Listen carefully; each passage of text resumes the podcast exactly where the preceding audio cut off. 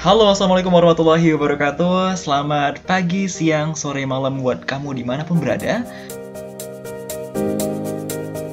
Hari ini, tepat di tanggal 22 Maret 2020 Fali akan nemenin kamu untuk memberikan informasi kepada kamu masih seputar nih Seputar masalah COVID-19 dan kalau dibilang banyak yang sudah kamu dengar, sudah kamu pelajari, sudah kamu lihat, tapi aku akan memberikan dari sisi yang berbeda nih ya.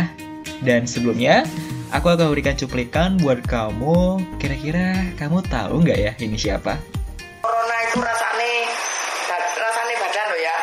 Rasane badan itu daging iki kayak sakit kayak mereteli ya. Loro kabeh. Terus itu rasanya corona cara anu ya. Oke, sudah mendengar dan tentu tahu deh sebenarnya itu siapa sih yang bersuara ya. Dan pengobatan seperti yang dilakukan oleh Nyonya tadi itu sebenarnya banyak terjadi di Indonesia, bukan hanya di daerah tersebut, tapi juga di kota-kota besar juga masih ada nih. Nah, sebenarnya apa sih pandangan kita sebagai orang yang mungkin bisa jadi terpapar atau juga mungkin dalam artian pasti adalah gitu yang mengambil alternatif-alternatif pengobatan untuk mengatasi masalah kesehatan dalam segi yang alternatif. Sebenarnya itu tidak salah, tapi juga harus dicermati dengan seksama gitu loh. Jangan sampai pengobatan alternatif yang awalnya itu dinilai untuk uh, bisa membantu, tapi malah menjadi hal yang merugikan. Perkembangan dunia seperti ini atau dikatakan sebagai traditional medicine itu sebenarnya naik turun nih kalau dikatakan di Indonesia karena prosesnya itu seperti ada uh, viral, kemudian juga ada informasi-informasi yang membuat masyarakat itu berdatangan ke daerah tersebut untuk mengambil pengobatan. Banyak hal memang misalnya ada orang yang sudah berobat ke medis, kemudian dia itu mencari alternatif dalam hal penyakit-penyakit kronis. Contohnya misalnya diabetes mellitus, hipertensi, atau juga penyakit-penyakit yang memang sulit untuk disembuhkan seperti cancer.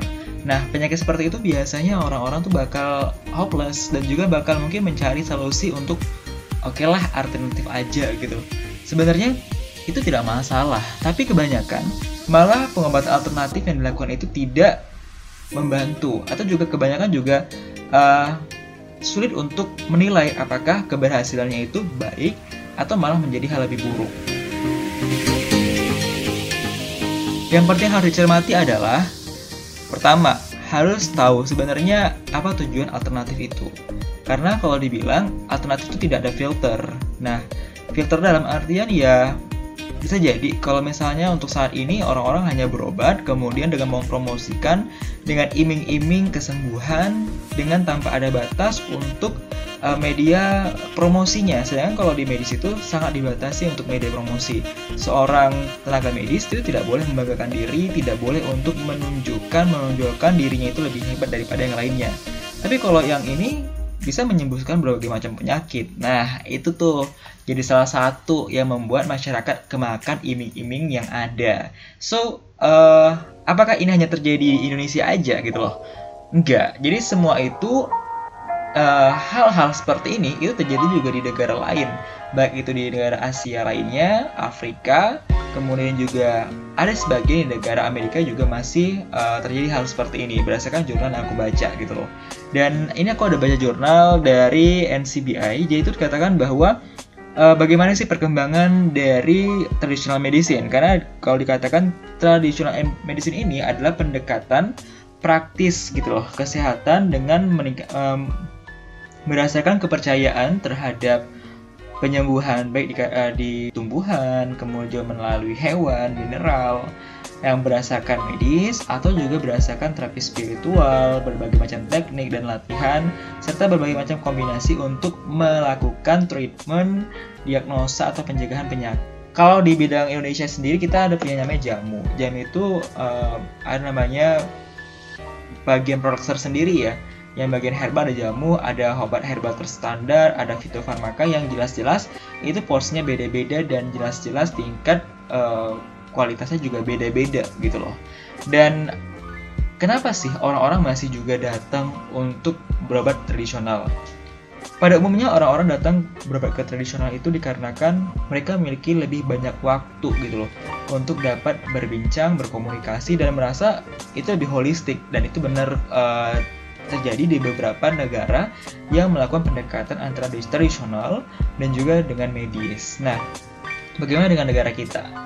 Untuk pengobatan tradisional itu sebenarnya uh, sulit untuk pendekatan secara medis kalau negara kita dikarenakan memang proses regulasi-regulasi yang belum tepat untuk pengobatan tradisional dan masih banyaknya eh, orang-orang uh, yang mempromosikan dirinya dapat menyembuhkan berbagai macam penyakit. Inilah menjadi salah satu kendala gitu loh.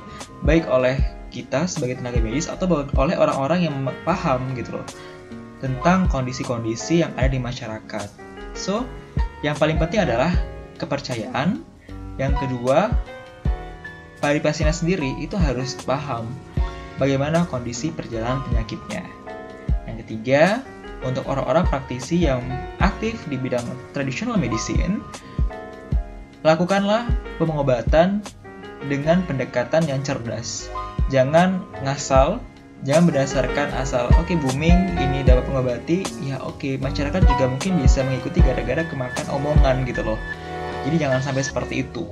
Dan yang terakhir adalah tetap berupaya untuk koordinasi kepada dinas kesehatan yang terkait gitu agar tidak lepas dari kontrolnya. Oke, okay, demikianlah untuk informasi bisa aku berikan untuk podcast yang kedua ini.